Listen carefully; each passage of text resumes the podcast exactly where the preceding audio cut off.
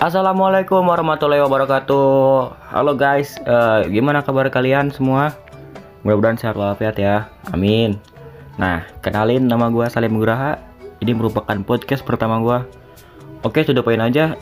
Di sini gua mau ngasih beberapa tips sehat menjalani ibadah puasa. Apa aja sih? Stay tune. Nomor satu, makan dengan porsi normal.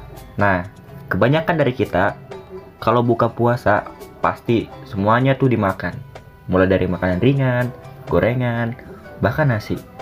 Bega-bega tuh perut. Padahal nih, Nabi Shallallahu Alaihi Wasallam sudah menganjurkan kita untuk berbuka dengan kurma. Jika tidak ada, maka dengan seteguk air, lalu melaksanakan sholat maghrib. Yang kedua, batasi makanan manis. Tadi dianjurkan, kok sekarang suruh dibatasi? Gak salah kok, tapi simak dulu guys. Pada saat sahur, mending jangan terlalu banyak makan makanan yang manis. Gula biasanya memberikan energi yang banyak dalam waktu yang sedikit guys. Setelah itu, kita akan merasa lemas, pusing, ngantuk, bahkan bisa mempengaruhi mood sehingga cepat marah. Gak mau kan puasa kita batal karena marah-marah terus? Ingat, yang berlebihan itu gak baik ya guys.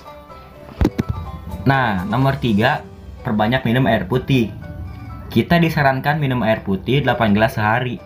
Kalau puasa kan siang-siang nggak bisa minum tuh. Jadi gimana caranya? Nah saat puasa kita minumnya 2 gelas air saat sahur, 2 gelas air saat berbuka, dan 4 gelas air di malam hari.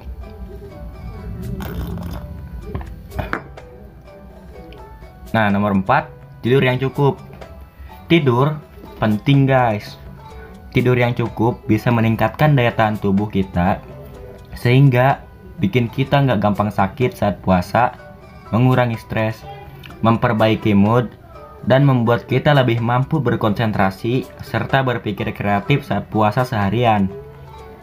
Tapi, kalau kalian tidur seharian sih malah bikin badan jadi lemes.